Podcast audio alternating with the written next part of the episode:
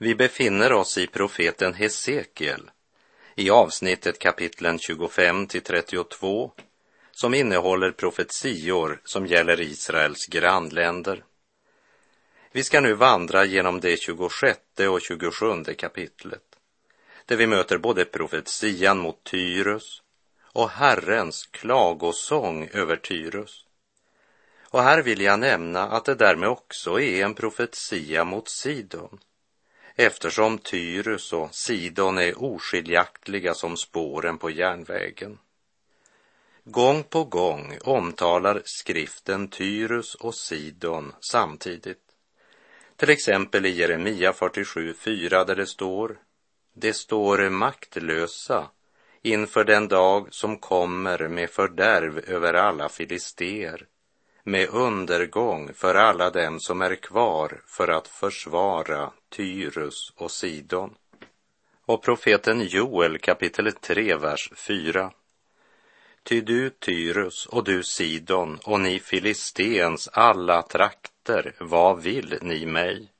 Och när Jesus i Matteus elfte kapitel går till rätta med Korasin och Betsaida så säger han i Matteus 11, 21. Ve dig, Korasin, ve dig, Betsaida, ty om de kraftgärningar som hade utförts hos er hade blivit gjorda i Tyrus och Sidon skulle det för länge sedan ha omvänt sig i säck och aska.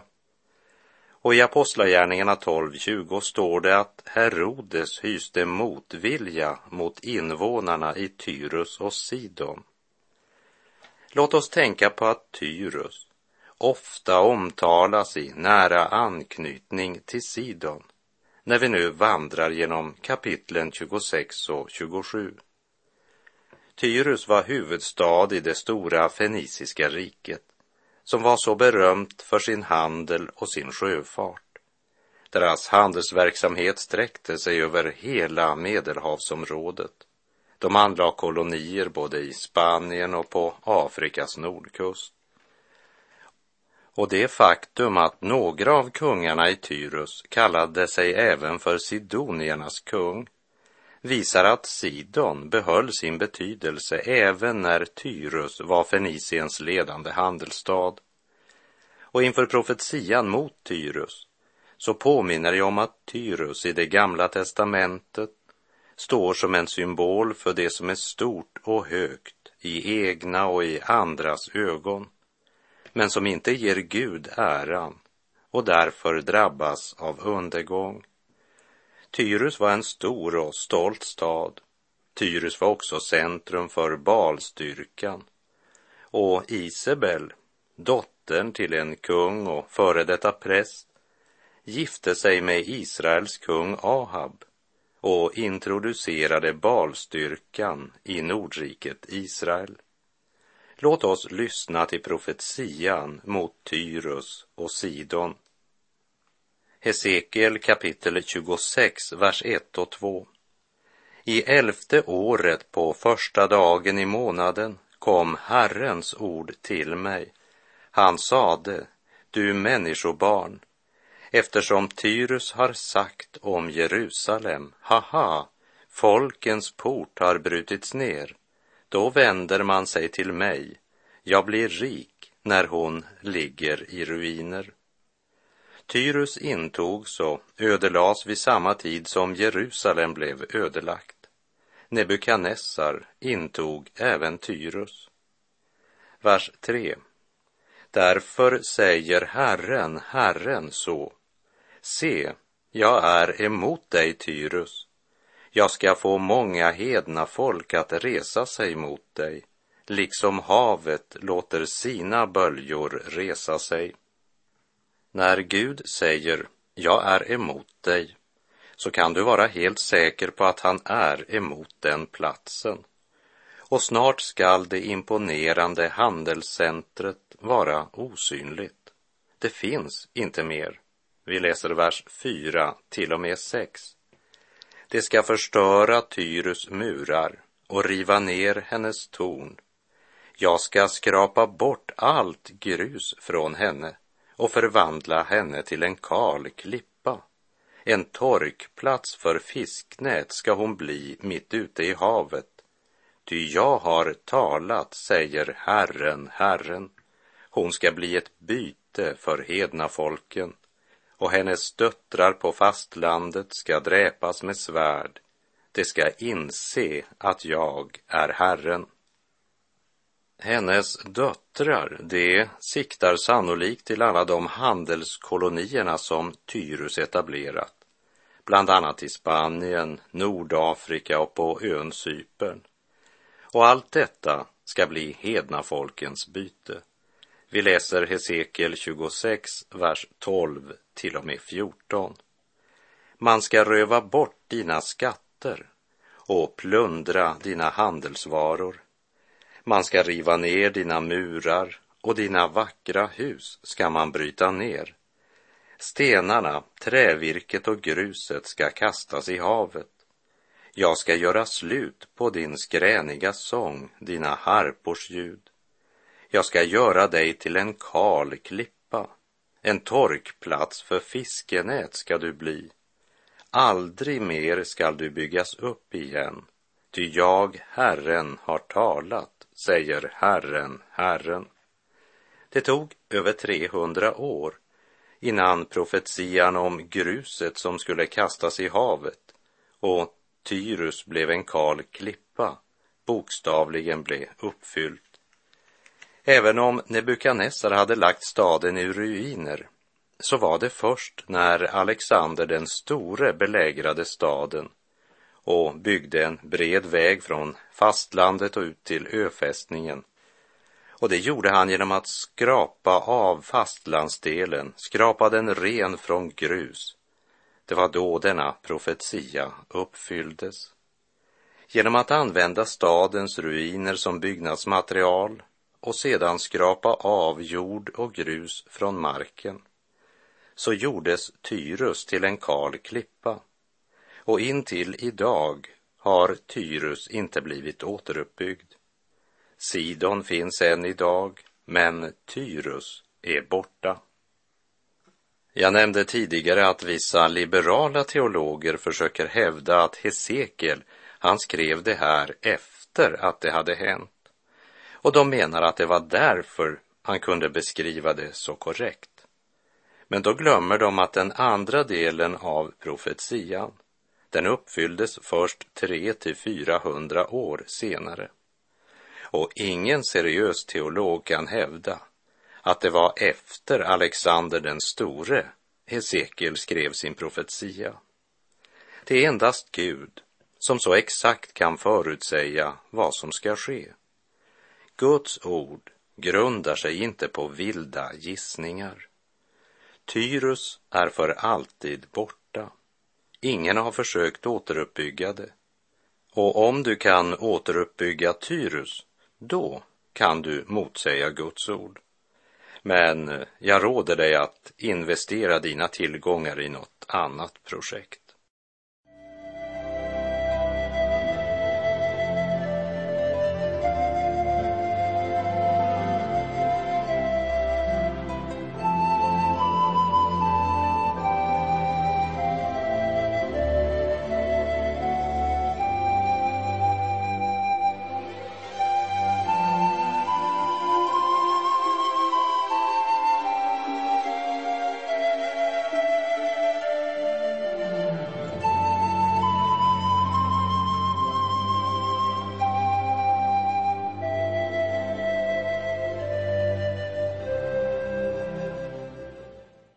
Kapitel 27 så liknas Tyrus med ett stort och ståtligt skepp.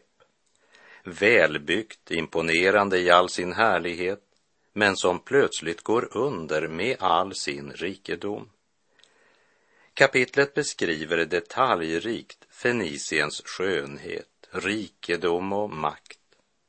Ta dig gärna tid efter programmets slut att läsa igenom hela kapitel 27 där Tyrus konstarbeten och rikedom beskrivs. Men i Hesekiel 27.34 läser vi. Men nu, då du har förlist och försvunnit från havet ner i vattnets djup, har dina bytesvaror och allt ditt manskap sjunkit med dig. Hesekiels klagovisa över Tyrus, det är Guds svar på Tyrus glädjerop över Jerusalems ödeläggelse. Den som hånar Guds utvalda folk hånar Gud. Och då spelar det ingen roll hur stor och rik och mäktig man är i världens ögon. Man får ett tragiskt slut. All jordisk makt och storhet får en dag ett förfärligt slut. Eller som det sägs i Markus 8.36. Vad hjälper det en människa att hon vinner hela världen men förlorar sin själ? Låt oss be om att våra olika kyrkor och församlingar inte blir stolta skepp som är upptagna av alla möjliga aktiviteter men inte har Guds ord i centrum.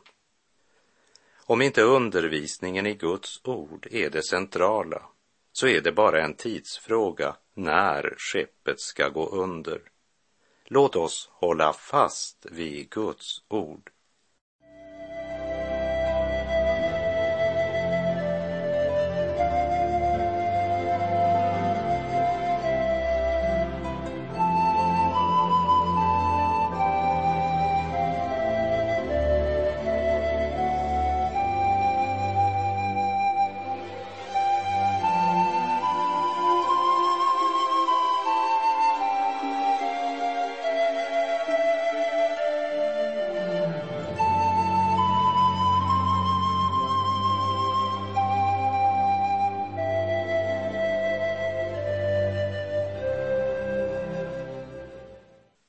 Men Gud har ytterligare något att säga till Tyrus kung.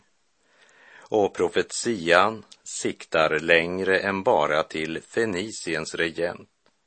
För den talar om honom som är denna världens härskare, nämligen Satan. I Johannes kapitel 12 så talar Jesus om en dom som ska gå över världen och att denna världens förste ska kastas ut. Jesus kallar alltså Satan för denna världens förste. Så stor makt har Satan här i denna värld. Men även om vi som Guds barn får lida här i världen så må vi aldrig glömma att Jesus har övervunnit världen. Och i Johannes 16.33 säger Jesus Detta har jag talat till er för att ni ska ha frid i mig. I världen får ni lida, men var vid gott mod. Jag har övervunnit världen. Och i Hesekiel 28, vers 1 och 2 läser vi. Herrens ord kom till mig. Han sade, du människobarn, säg till försten i Tyrus. Så säger Herren, Herren. Ditt hjärta är högmodigt och du säger, jag är en Gud jag tronar på en gudatron mitt ute i havet. Ändå är du bara en människa och inte en gud, hur mycket du än i ditt hjärta tycker dig vara en gud. Försten i Tyrus, han står som en prototyp på Antikrist. Det talar alltså om honom som kontrollerar denna världens kungar men Guds rike är inte av denna världen. Därför talar Paulus om den visdom som inte tillhör den här världen. I Första Korinthierbrevet 2.6 skriver han Vishet förkunnar vi emellertid bland det fullkomliga, en vishet som inte tillhör den här världen eller den här världens härskare som går mot sin undergång. När Jesus frestades av Satan i öknen så står det i Matteus 4, vers 8 och 9. Därefter tog djävulen honom upp på ett mycket högt berg och visade honom alla riken i världen och deras härlighet. Och han sade, allt detta vill jag ge dig om du faller ner och tillber mig. Men Jesus tackade nej till Satans erbjudande. Men inte därför att Jesus motsäger att djävulen skulle haft makt att ge honom allt detta. För Jesus visste att Satan är denna världens förste. Men därför att Kristus till sist ska regera över hela jorden, men inte som vicepresident under Satan. Men idag är Satan fortfarande denna världens härskare, vare sig vi önskar det eller inte. Men nyhetssändningarna talar om krig, hungersnöd, lidande och växande ondska. Och det stadfäster att ondskan regerar ännu en liten tid. Och Tyrus kung, som är en av Antikrists föregångare, han säger om sig själv, jag är en gud, jag tronar på en gudatron. Men Herren säger, du är bara en människa och inte en gud. Hur mycket du än i ditt hjärta tycker dig vara en gud.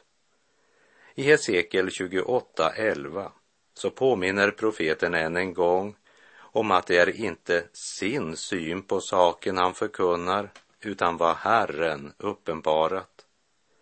Herren uppenbarar att det är Satan som står bakom all ondska.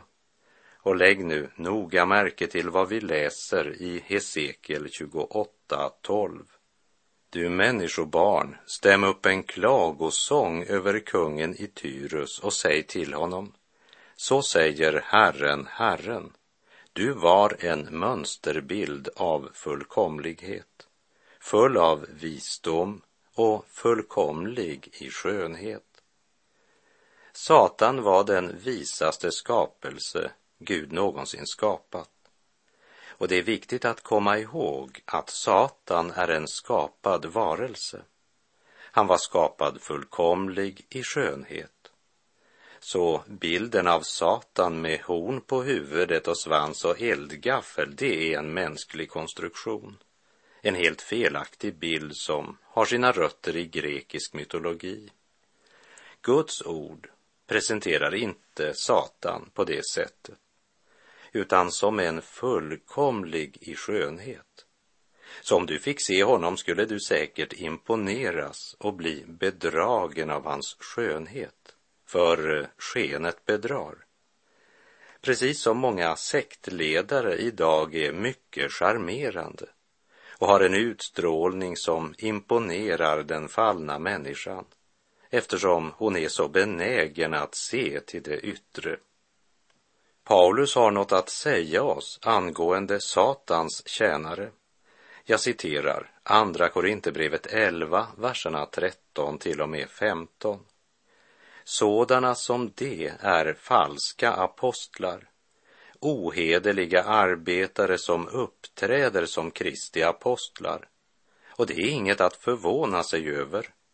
Satan själv gör sig lik en ljusets ängel Därför är det inte underligt att också hans tjänare uppträder som tjänare åt rättfärdigheten. Men det kommer att få det slut som det förtjänar. Och att profetian handlar om något mer än bara Tyrus kung, det förstår vi när vi läser vers 13 där det står I Eden, Guds lustgård, var du höljd i alla slags ädelstenar. Ingen av Tyrus kungar har varit i Edens lustgård. Men Hesekiel säger om denne, du var en mönsterbild av fullkomlighet, full av visdom. Och vi läser vidare i vers 14. Du var en smord, beskyddande kerub, och jag hade satt dig på Guds heliga berg. Där gick du omkring bland gnistrande stenar.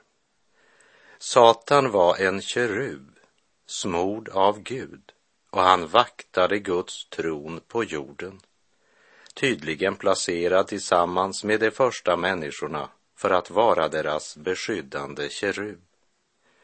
Satan hade den högsta position som någon av Guds skapelser kunde ha.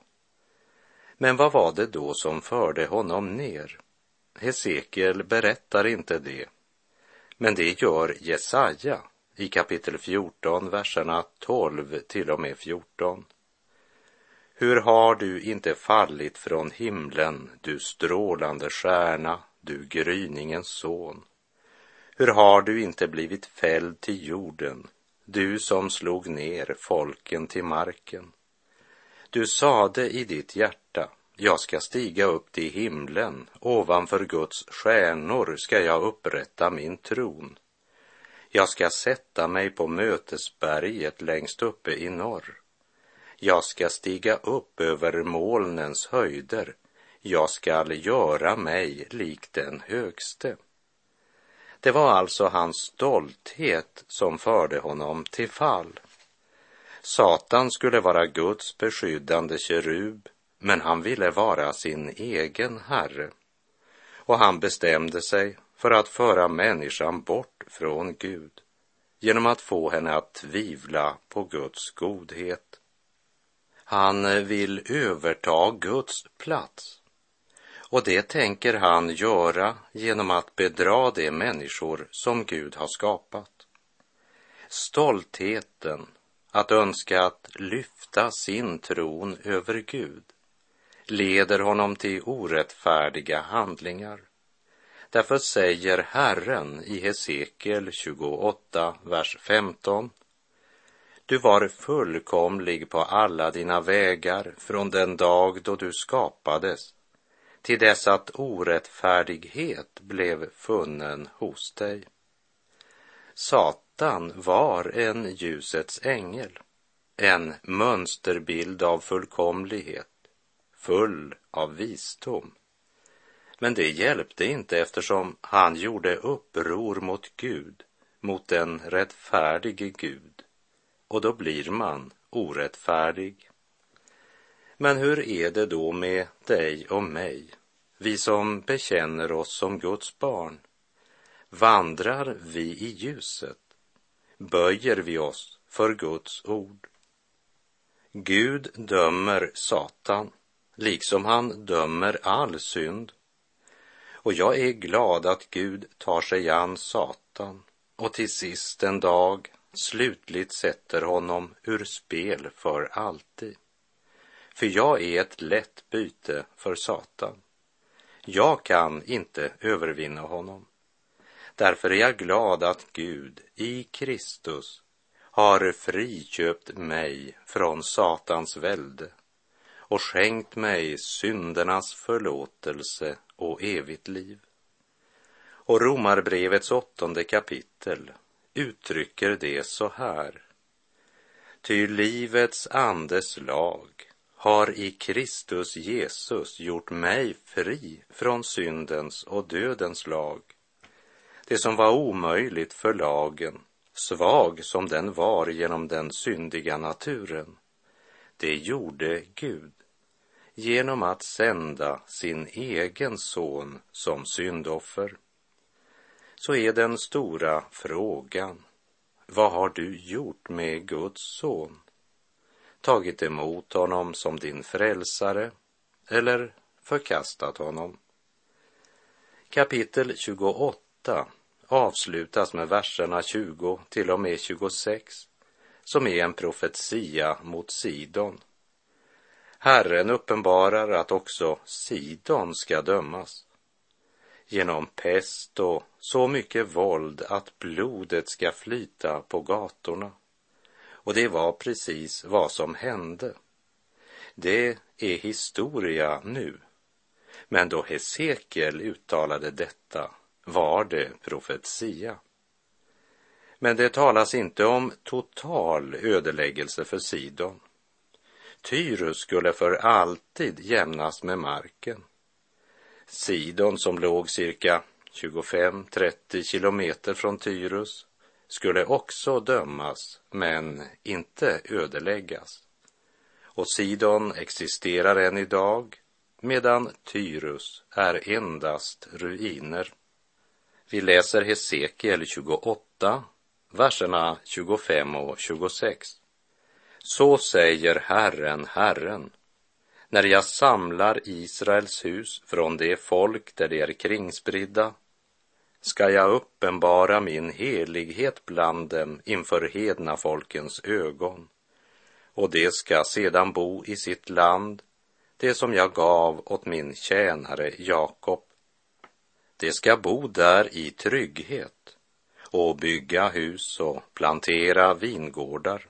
Ja, det skall bo i trygghet när jag dömer alla som bor runt omkring dem och som föraktar dem.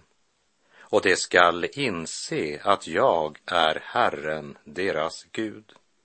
Gud säger inte om jag samlar Israel. Men han säger när jag samlar Israel. Satan kan inte stoppa Guds plan med nationen Israel. Och ingen teolog kan hindra Gud att återupprätta Israel.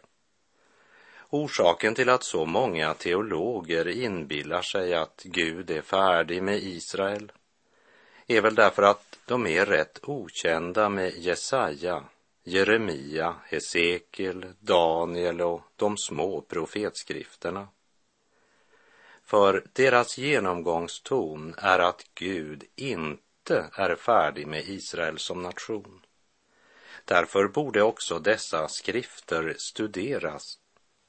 Det kastar ett nytt ljus över Guds ord och hjälper många pusselbitar att falla på plats.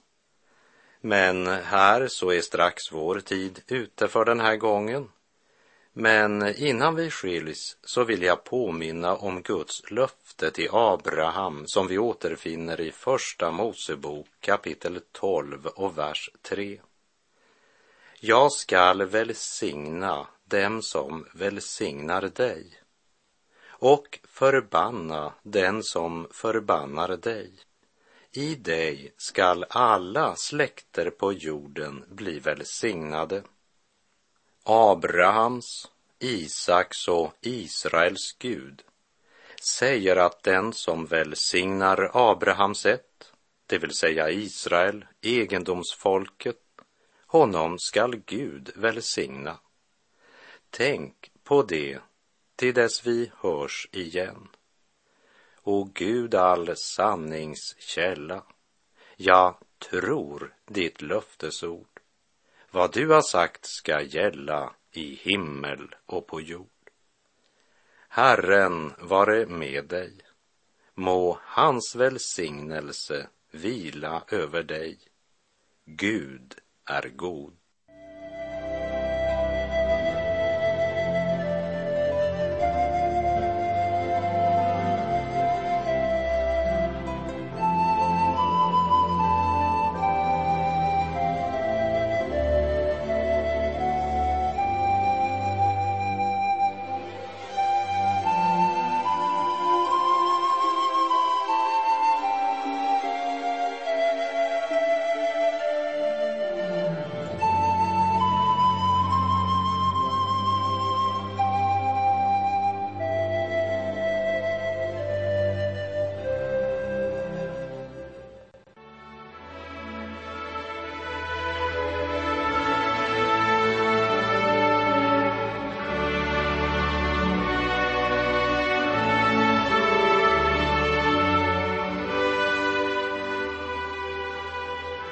Du har lyssnat till programserien Vägen genom Bibeln med Kurt Westman som sänds av Transworld Radio. Programserien är producerad av Norea Radio Sverige. Om du önskar mer information om vårt radiomissionsarbete så skriv till Norea Radio Sverige, box 3419 103 68 Stockholm. Adressen är alltså Norea Radio Sverige box 3419. Postnumret 10368 Stockholm.